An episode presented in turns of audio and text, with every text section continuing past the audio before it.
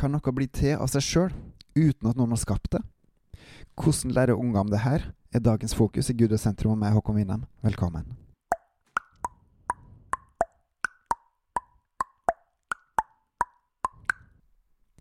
I dag kan man tenke seg fram til det meste og si at det er sannheten, uten å holde vitenskapen.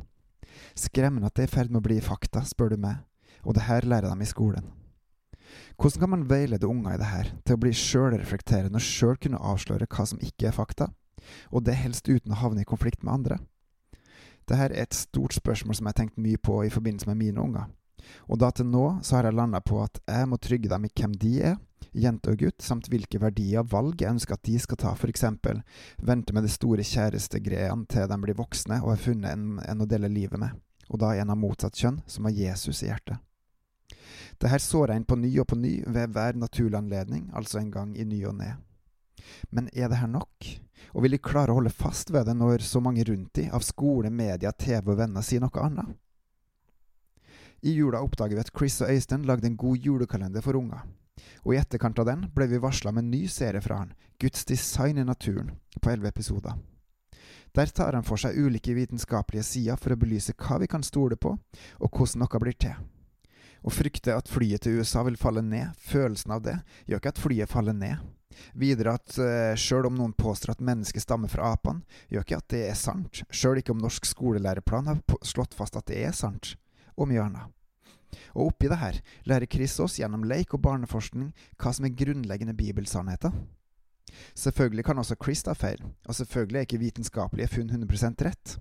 For i mange tilfeller er jo dem rett og slett teorier om hva man tror er rett til nå. Og samtidig må vi bruke de ulike verktøyene vi har tilgjengelig for å forsøke å forstå verden vi lever i, og da helst også flere enn ett verktøy. Det er det her Guds design i naturen med Chris prøver å gjøre, gjennom vitenskap, fornuft og erfaring, og ikke minst ved Bibelen og Gud som selve grunnfjellet. Mine unger digga julekalenderen og Guds design-episodene, så jeg kjøpte også boka eh, Øystein på smulejakt med Chris og Øystein. Og denne enkle barneboka tok opp det samme, og prøver å gjøre ungene interessert i å forske sjøl, ved å øve opp fornuften og refleksjonen, og ved å stimulere dem til å finne ut svar rundt seg. Og kanskje er det nettopp det ungene trenger også, at de får innspill basert på Guds sannheter gjennom Bibelen, via andre kanaler. Sånn at dem er utrusta og har en motvekt til alt annet som omgir dem på skolen og mer.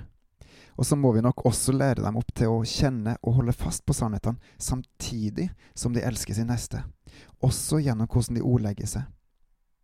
Vi er jo kalt til å elske fordi Han elska oss først, og å elske kan vi kun gjøre gjennom sannheten, tro til Jesus og hans måte å elske sine brødre og dernest andre. For at vi alle skal omvende oss fra andre sannheter, guder, og tilbe og kjenne Han. Det er det største, beste og tryggeste livet man kan ha, større enn alt. Og derfor må vi løfte det fram, at alt er skapt og opprettholdt av Gud, at alt er blitt til av Han, ved Han. Bebels og på.